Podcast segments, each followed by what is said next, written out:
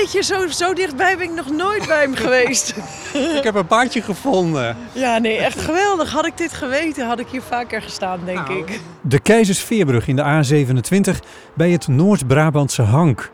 Barbara Kuipers en ik staan er schuin onder op de wal van de Bergse Maas. Ja, Hier zit de jeugd van Hank s'avonds fikkie te stoken. Illegale fikjes inderdaad, ik zie het al. Barbara Kuipers is bij Rijkswaterstaat een van de initiatiefnemers en oprichters van de Nationale Bruggenbank. Een soort marktplaats voor bruggen. Barbara is adviseur circulaire economie en de Keizersveerbrug staat te koop op haar website. Dit is hem. Ik vind het altijd geweldig, want ik ben al best wel lang met bruggen bezig. Ja. En ik vind het altijd zo gaaf om onder een brug te staan, omdat je dan ook helemaal ziet hoe die gemaakt is. Maar het, is ook, het zijn van die plekken waar nooit iemand komt. Nee. Behalve dan hier en daar. De jeugd en, van eh, Hank, die fikkie eh, jeugd.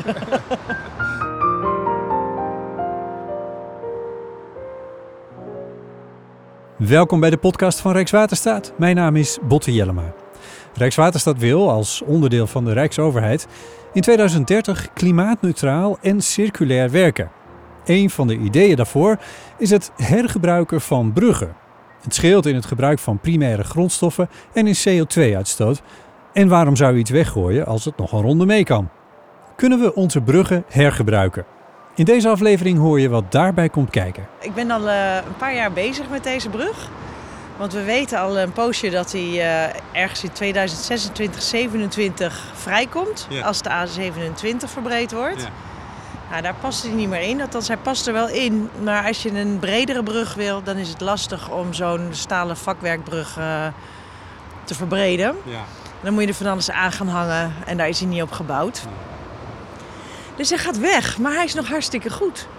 En, als, je hem eh, nou, als je hem nou zo ziet, want je zegt van dit is voor het eerst dat ik hem van zo dichtbij eh, Ja, bekijk. Wat valt je nou op als je er naar kijkt? Hij ziet er zo waanzinnig goed uit. En ik wist, bijvoorbeeld de verf, hè, dat noemen wij dan conservering. Ja.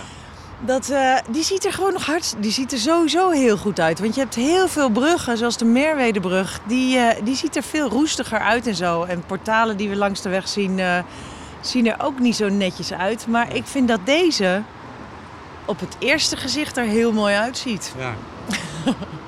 het, het vakwerk, hoe zouden we dat kunnen uitleggen hoe dat eruit ziet eh, voor iemand die hem niet... eh, Ja, ja, ja, ik denk dat je het beste, zeg maar, ik, ik, althans daar doet het mij aan denken, aan die Meccano-spelletjes die we Ja. vroeger altijd hadden. Met al die speltjes zo, eh, eh, die, die met elkaar verbonden zijn. van die diagonalen erin. Ja, die diagonalen. En je had ook van die, van die hijskranen. En eigenlijk is het die buis van de hijskraan die omhoog gaat, zeg maar. Die lijkt heel erg op zo'n vakwerkbrug. Ja. Het is eigenlijk is het een soort ehm, schoenendoosje, maar dan helemaal open. Met allemaal tussenbalkjes. Ja, een soort kruisverbindingen die dan eh, dus de verstevigheid van die brug eh, eh, verzorgen. Hè? Het is eigenlijk meervoud, de Keizersveer Bruggen. Er zijn drie vakwerkdelen voor de ene rijrichting van de A27 en drie voor de andere. De overspanning is in totaal 288 meter en deze bruggen zijn gebouwd in 1978. Maar ook toen is er al hergebruikt. We lopen even een stukje richting de onderkant van de brug. Langs het water. En langs de taluut. Daar is nog wat een pad gemaakt waar we even kunnen kijken. We horen het geluid een beetje veranderen omdat we het directe bandengeruis kwijt zijn. Maar het gedreun van de wielen op het wegdek horen we hier nog wel. Hier, ze ook fikkie gestookt, ja. Ja, dit is toch prachtig. Wat zie je? Ja, we zien hier dus echt al die stalen balken. En dan, vind je, dan zie je dus hoe verschrikkelijk veel staal er in zo'n stalen brug gaat. En hoe groot die is. Dit is zo gigantisch veel. En deze brug is dus een brug die eh, al eerder hergebruikt is. Dus dit, is, eh, dit zijn delen uit de oude Moerdijkbrug. Aan de andere kant van de Biesbos hier, geloof ik, hè? Ja, klopt, klopt, klopt. 16. Ja. Ja. En daar is toen een nieuwe brug gekomen. En toen eh, hebben ze de delen. En zo'n vakwerkbrug is ook wel ideaal. Want die kan je gewoon in delen opsplitsen, zeg maar. Ja. En nog relatief eenvoudig, zeg maar, eh, transporteren over het water. Deze vakwerkbruggen hebben al heel wat meegemaakt en zijn origineel gebouwd in 1936. Ze waren toen als Moerdijkbrug een van de grootste bruggen van Europa. In 1978 werd de Moerdijkbrug vervangen. Vier delen van de oude brug zijn naar Spijkenisse gegaan en zes vormden vanaf toen de huidige Keizersveerbruggen. Deze Keizersveerbruggen zijn op dit moment de enige vakwerkbruggen in een Nederlandse snelweg. Nog altijd zijn de bruggen niet versleten, maar de A27 wordt verbreed en daarom moeten de Keizersveerbruggen worden vervangen. Wat krijgt hij op zijn lazen, joh, als je hier zo staat en die vrachtwagens rijden erop? Ja, ja. Ja, het zijn vooral die vrachtwagens. Dat is echt. eh, het maakt niet zo gek veel uit of je nou met heel veel auto's over een brug rijdt. eh, die gewoon personenvervoer. Dat is het gewicht niet. Het zijn echt die vrachtwagens. Die, die dreunen, die die belasting geven. En dat is ook zeg maar waar dus het staal het meest te lijden heeft. En wat je dan ziet is dat er vaak eh, vermoeiingsverschijnselen ontstaan. En dat zijn de plekken waar die bruggen of gerenoveerd moeten worden. Dus wel hartstikke intensief. En soms is het zo erg, want dan wordt het staal zeg maar zo eh, eh, uitgerekt eigenlijk. Dan moet die vervangen worden. Voor de volledigheid, dat is bij deze brug niet aan de hand. Deze Dat is is bij- stevig genoeg. Nee, klopt. Deze die is dus echt nog stevig genoeg. Hij is ook doorberekend om te kijken van, joh, kan die nog mee? En in principe kijken wij van, joh, kan nog 30 jaar mee eh, met wat renovatie? Maar als hij daar niet doorheen komt in de doorberekeningen, dan, eh, dan, dan gaan we meestal over op vervanging.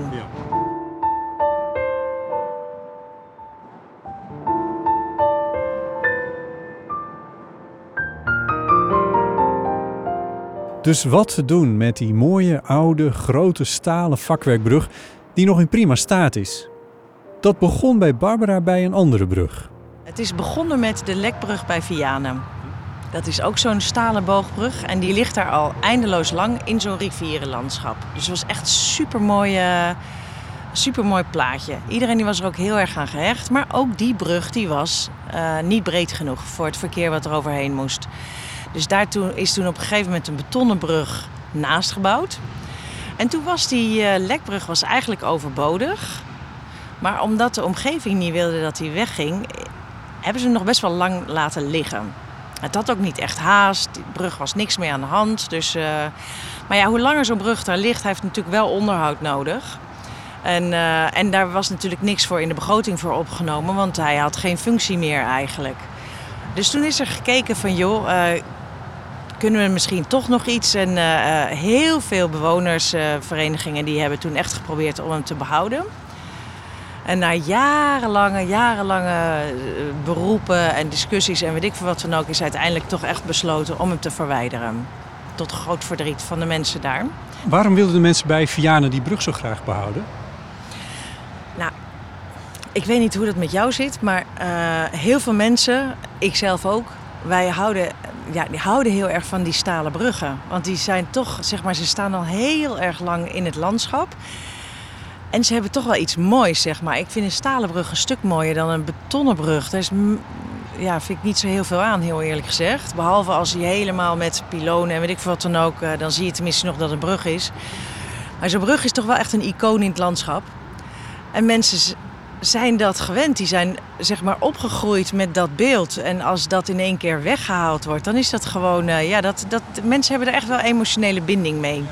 Dus we waren, we waren zeg maar bij die lekbrug. En eh, die bewoners die, nou, die, die wilden hem echt heel graag houden. Maar nou, was echt niet meer mogelijk. Dus die brug die moest gesloopt worden. En toen hebben we gekeken van... Hij is nog goed. Kunnen we hem niet ergens anders gebruiken? En toen heb ik samen met een collega van de afdeling Brug Viaducten...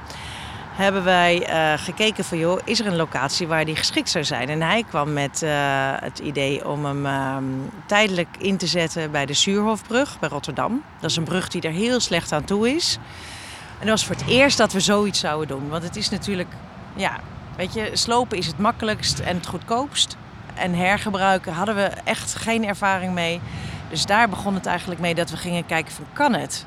Nou, uiteindelijk is het afgeketst omdat er toch best wel veel risico's waren. En omdat het kostenplaatje toch wel exponentieel zou stijgen. Juist vanwege die risico's waar we niet bekend mee waren. Is het uiteindelijk is niet doorgegaan. Maar iedereen die vond het zo jammer dat het niet gelukt was. Omdat we allemaal hadden we echt zoiets van... wow, dit is echt super gaaf. Dit gaan we gewoon doen. En het is toch fantastisch. En toen ging het niet door. Toch wel heel erg teleurgesteld.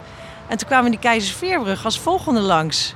En toen zeiden ze van ja, maar dat gaat ons niet nog een keer gebeuren. We weten nu beter wat we moeten doen en wat we moeten uitzoeken. En we gaan nu, zeg maar, vroeg zeg maar, zijn we in het verhaal aanwezig.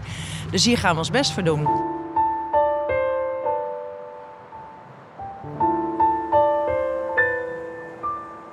Het hergebruik van de Vianenbrug werd te duur, ook omdat het eigenlijk te laat in de planning was om nog te onderzoeken of de brug misschien ergens anders kon worden gebruikt.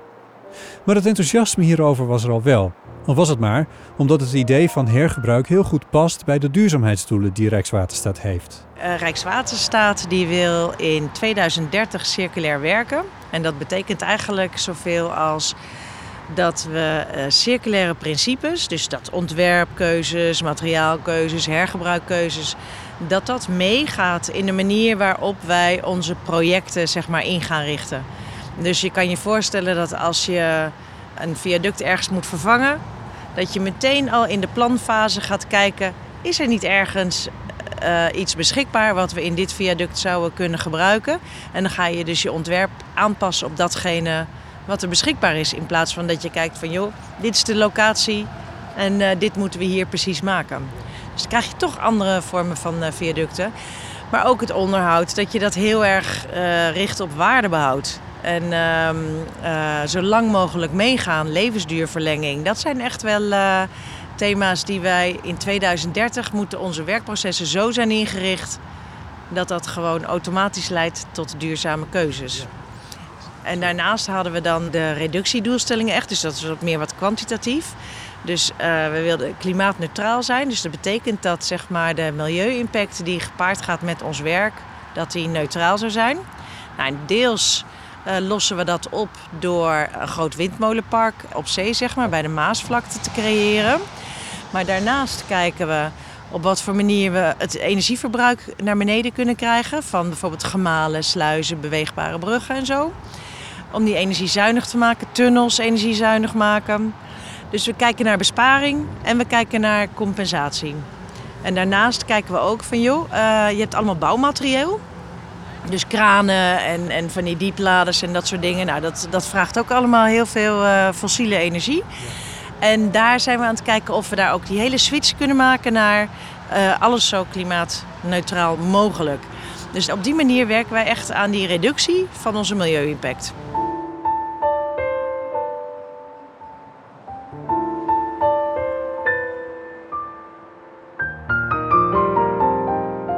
Daar past hergebruik bij. En het is een beetje zoals wanneer je een tweedehands eettafel koopt in plaats van een nieuwe. Dan hoeft er voor jou niet speciaal eentje te worden gebouwd. Je voelt wel aan dat het scheelt, maar er zijn ook cijfers. Wanneer alle brugdelen die in de komende zes jaar bij Rijkswaterstaat vrijkomen worden hergebruikt, wordt er 15 tot 24.000 ton staal bespaard. En dat scheelt 20 tot 34.000 ton CO2-equivalent. Daarom ontstond bij Barbara het idee voor een bruggenbank. Ja, dat is wel leuk, want het is inderdaad ontstaan uh, ten tijde van uh, die bijeenkomsten dat we aan het kijken waren bij de Keizerveerbrug van wat is er nou nodig om hergebruik mogelijk te maken. Nou, als zo'n brug vrijkomt, dan weet je zeker dat er niet meteen een plek is waar die naartoe gevaren kan worden en ingehezen. Die projecten die zijn nooit op elkaar afgestemd, dus je hebt tijdelijk opslag nodig. Maar je moet natuurlijk ook weten dat zo'n brug beschikbaar is. Nou, ga je naar een marktplaatsachtig principe. En wij hadden vroeger een uh, brugbank. Uh, en die hebben we toen naar Royals Koning overgedaan. Maar de, dat, vroeger hadden we dit idee ook al van... joh, kunnen we die bruggen niet wat meer hergebruiken en weet ik wat dan ook is verlaten. Vroeger wanneer? Ja, ik geloof dat het in de jaren 70, 80 of zoiets was. Oké, okay, yeah. Um, maar toen was niet heel veel, ja, er werd gewoon niet zoveel mee gedaan. En klimaat stond natuurlijk ook niet zo op de agenda. Maar in ieder geval, we weten dat een digitale marktplaats, het moet vindbaar zijn. Dus vraag en aanbod bij elkaar brengen. Dus toen ben ik gaan nadenken van, goh, dan wil ik inderdaad wel kijken of we een marktplaats voor die bruggen binnen Rijkswaterstaat op kunnen bouwen. Want dan kunnen we in ieder geval zelf weten wat er vrij gaat, wat er vrijkomt en, uh, en of we die ergens anders kunnen hergebruiken.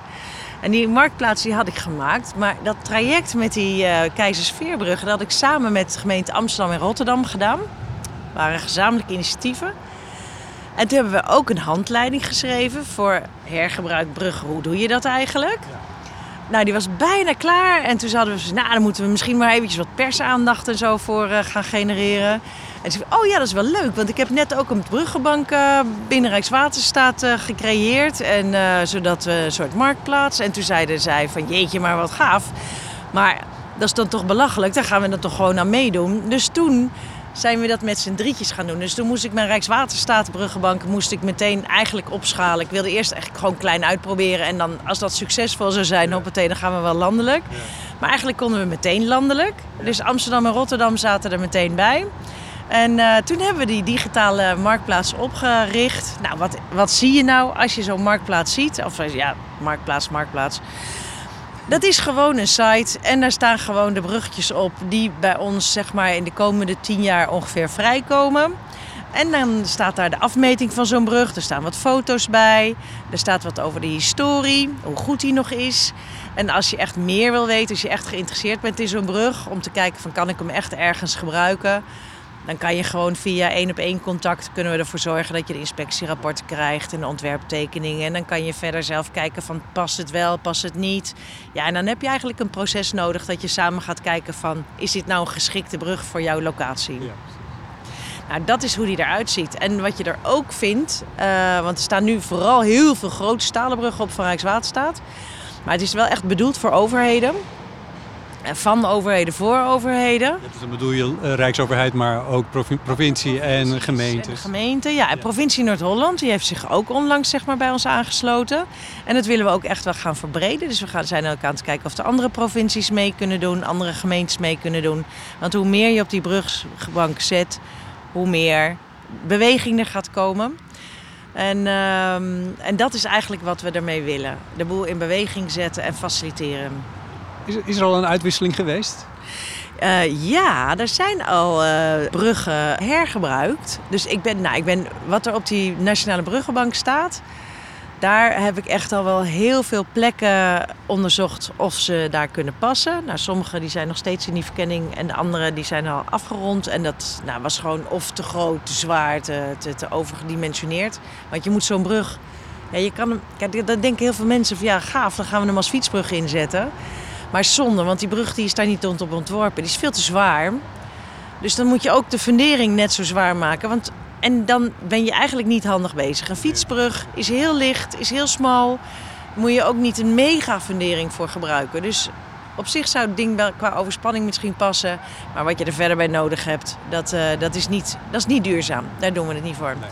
Dus het is al wel een aantal keren afgeketst. Maar je ziet wel op andere plekken dat zeg maar, die hele beweging van het hergebruik is er wel door echt in gang gezet. Ja. En het heeft echt ontzettend veel aandacht gekregen. En er zijn veel meer uh, partijen zijn echt met het hergebruik aan de slag gegaan. Dus het is niet zo dat wij daar overal bemoeienis mee hebben gehad.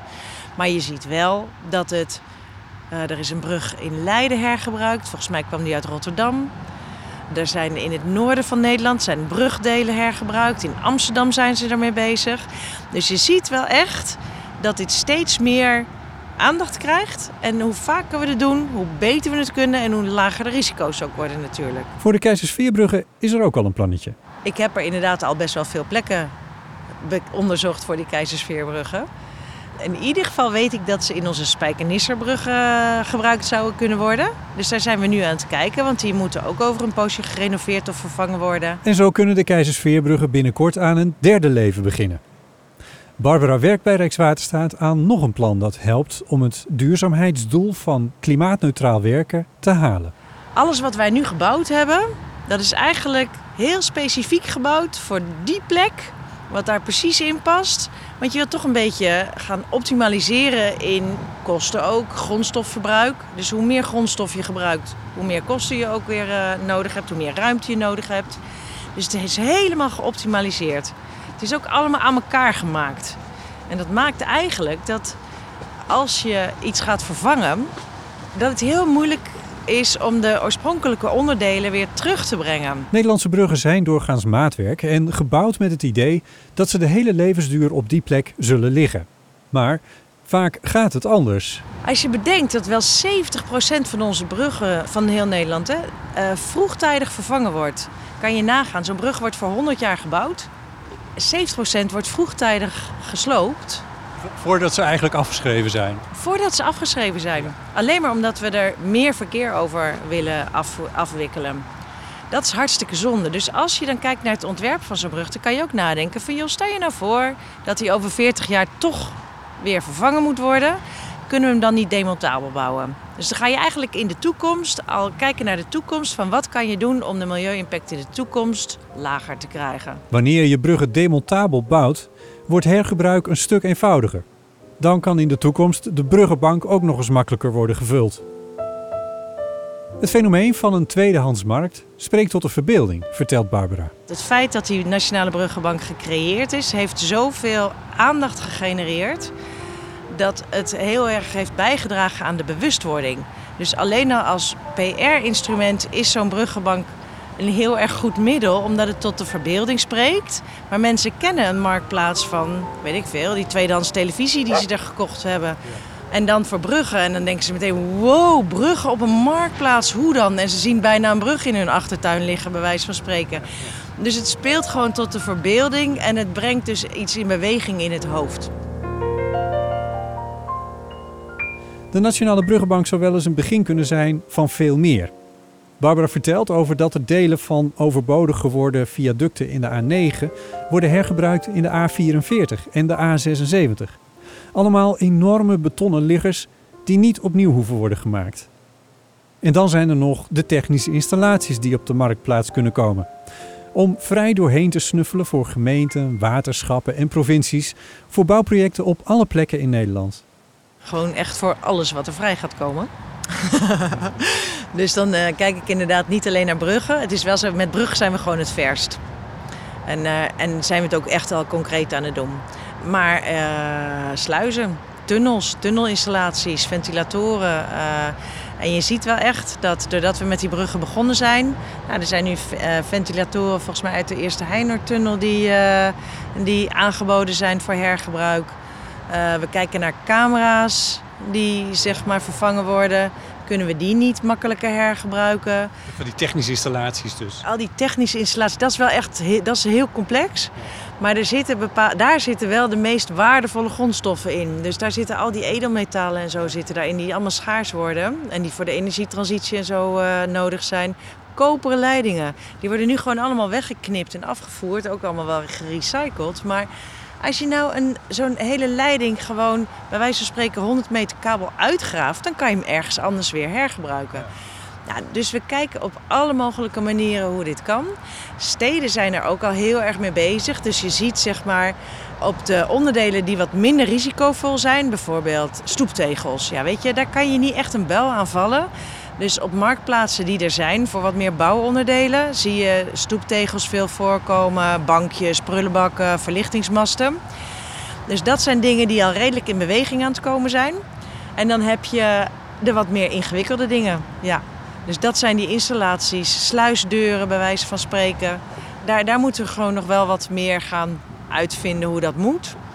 Maar ja, met bruggen ben je ook ooit een keer begonnen met niks. Exact, precies. En het is, nu, in- het, is, het is nu al in gang gezet. Ja. Dus dit is ook, ik, ik denk niet meer dat dit nog te stoppen is. En ik denk ook dat de druk van, eh, vanuit klimaat, zeg maar, te groot wordt om ons nog te kunnen permitteren überhaupt om alles nieuw in nieuwe grondstoffen aan te, aan te laten voeren.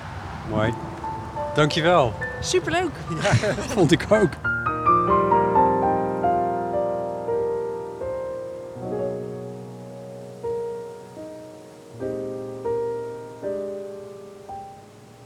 Je hoorde Barbara Kuipers, adviseur circulaire economie bij Rijkswaterstaat. En mocht je nieuwsgierig zijn geworden, neem dan vooral een kijkje op nationalebruggenbank.nl. Dit was een aflevering van de podcastserie over het werk van Rijkswaterstaat. Bedankt voor het luisteren.